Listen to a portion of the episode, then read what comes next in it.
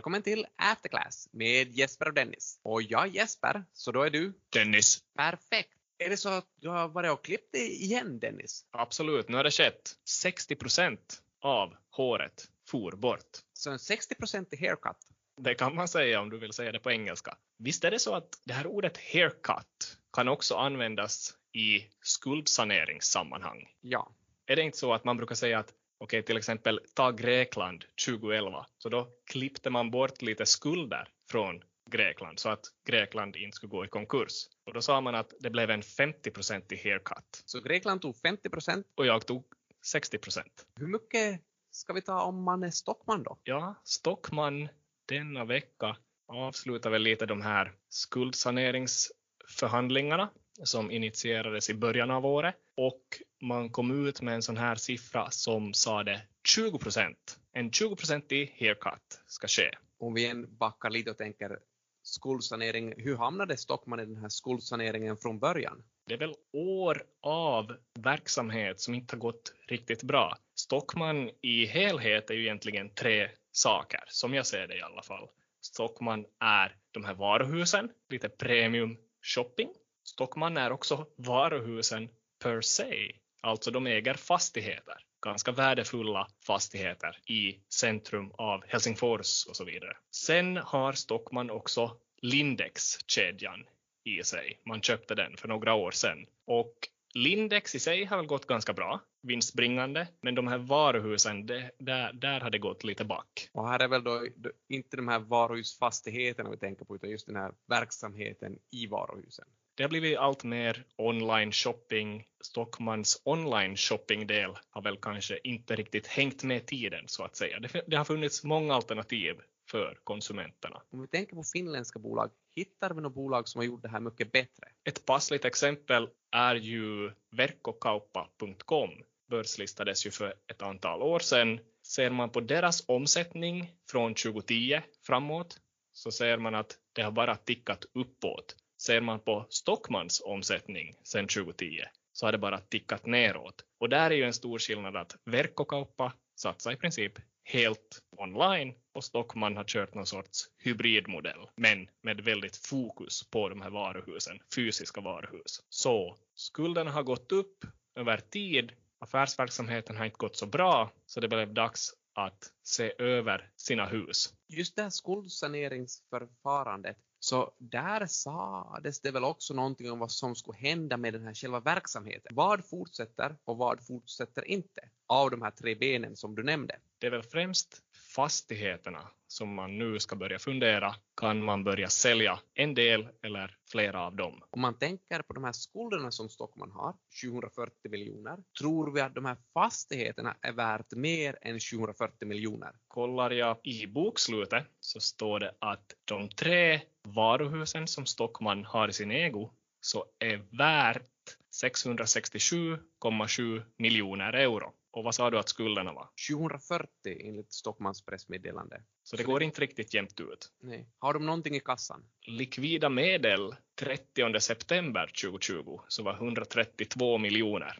Okej, så då börjar det likna någonting. Och vad är värdet på de här blåa gantpikéerna från 2015 som finns i varulagret? Det kan hända att man måste skriva av dem. Okej, så vi summerar då alltså och kommer till 799 miljoner. Så nästan 800 miljoner. Så det finns tillgångar för att täcka skulderna. Och så hade vi ju Lindex också. Jo, Lindex finns där med positiva kassaströmmar. Om vi backar tillbaka till de här skulderna. En 20-procentig haircut snackades det om. Men det är väl så att tittar vi lite närmare på det här så är det inte en riktigt 20-procentig haircut. Nej, visst var det så att man kan se lite andra siffror om man kollar noggrannare. Så det är 20 procent bort från skulderna utan säkerhet. Och skulderna utan säkerhet är endast knappt 200 miljoner. I runda slängar 40 miljoner bort och det innebär ju att den här haircutten av de här totala skulderna är knappt 5 procent. Okej, okay, så det blir mycket mindre än min 60 procent. Ja, och det här tas ju bort då från långivarna. Men det var väl också kanske så att de här pengarna inte bara försvinner, utan de hade ju nog någon plan här, Stockman. Ja, den här,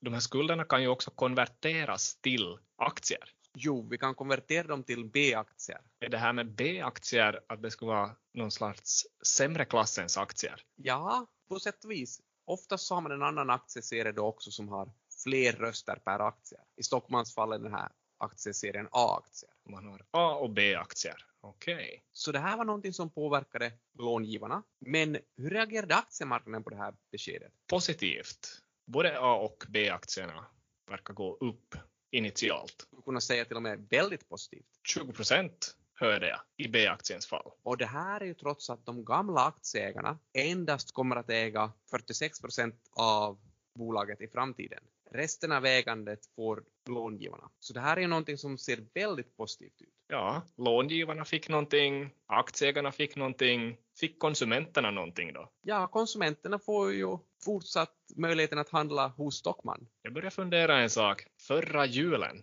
vet du vad jag fick i julklapp då? Av mig fick du den där vasen. ja, den var fin. Man behöver alltid en vas. Men jag fick ju också någonting annat och det var ju ett sån här presentkort.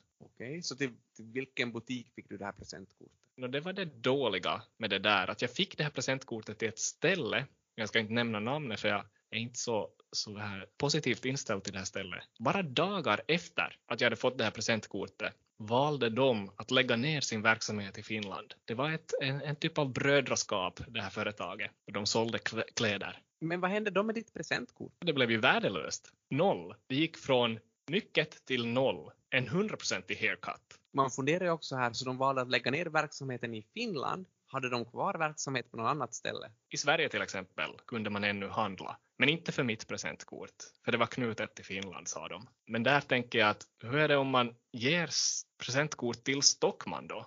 Skulle det vara en bra julklapp? Frågan är, ska man ge presentkort överhuvudtaget? Är inte presentkort den mest ologiska julklappen man kan ge? Ja, för det finns ju säkrare sätt att ge pengar så att säga. Och mer flexibla sätt. Så istället för presentkort, vad skulle vi rekommendera att man ger? man kunde ju börja med pengar. Pengar vore en bra grej. Alltså euros. Och kanske vi skulle säga så här att ska man ge presentkort, om man insisterar på att ge presentkort, borde man göra en väldigt noggrann finansiell analys och kanske en konkursprognostisering före man ger det här presentkortet. Ja, men det ska man väl göra? För det är ju faktiskt möjligt att, att prognostisera konkurs med hjälp av ganska sådana enkla modeller eller att kolla på, på olika nyckeltal. Har du några modeller på lager och har du några konkursprognostiseringar för till exempel Stockman? Jag försökte göra en sån där konkursprognostisering för Stockman faktiskt. För att göra det så använde jag den så kallade Prihti-modellen som är en sån här konkursprognostiseringsmodell. Pritti-modellen är ju någonting som ofta kommer upp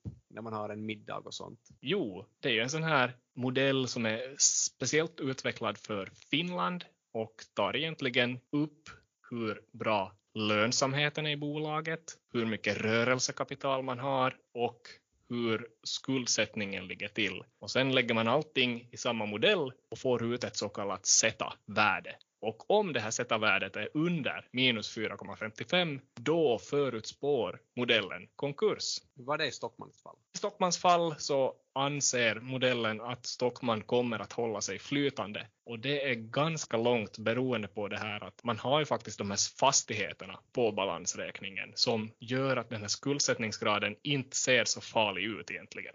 Så vad kan man säga om den här modellen? Det känns ju som att den här modellen är korrekt och det känns ju som att modellen också snappar upp vad som hände i det här fallet med Stockmans sanering. Att så länge de klarar av att sälja bort sina fastigheter till ett vettigt pris så är inte den här skuldbördan så jättestor. Nej, det är nog sant. Skulle man applicera den modellen på, på något annat företag som de facto har gått omkull. Jag tänker på Makuni. Vet du vad det är för något? Eller vad för något? Så den här filmuthyrningskedjan som också sålde lite godis vid sidan om? Mm. Över tid blev det ju mer och mer godisförsäljning och mindre och mindre filmuthyrning. För att den där affärsmodellen kanske inte var perfekt utvecklad och i linje med tiden. För att det fanns strömmingtjänster och så vidare. Kör man den här Prihti-modellen på Makuni några år före de gick i konkurs, så det, det, är väldigt negativa siffror, så att där förutspår den här modellen ganska bra att försäljningen gick ner, lönsamheten gick ner och det fanns inte egentligen några tillgångar att prata om förutom lite lösgodis. Min fråga är förstås att behöver man faktiskt någon modell för att förutspå att Makuni skulle gå i konkurs eller avsluta sin verksamhet? Jag säger bara att det är en nödvändig åtgärd om man ska köpa presentkort. Det är allt jag säger. ja. Så precis som du säger så är det ju så att det finns risker med investeringar. Både om det är investeringar i presentkort, om det är investeringar i aktier och om man investerar i företagsobligationer. Så det lönar sig alltid att ta och titta på de här bolagen som man har att göra med. Och med de orden kan vi väl ta och packa ihop det här paketet och önska en god jul. Så god jul till dig Jesper. Ja, och god jul till dig Dennis. Och god jul till alla lyssnare. Vi fortsätter nästa vecka med nya insikter i After Class.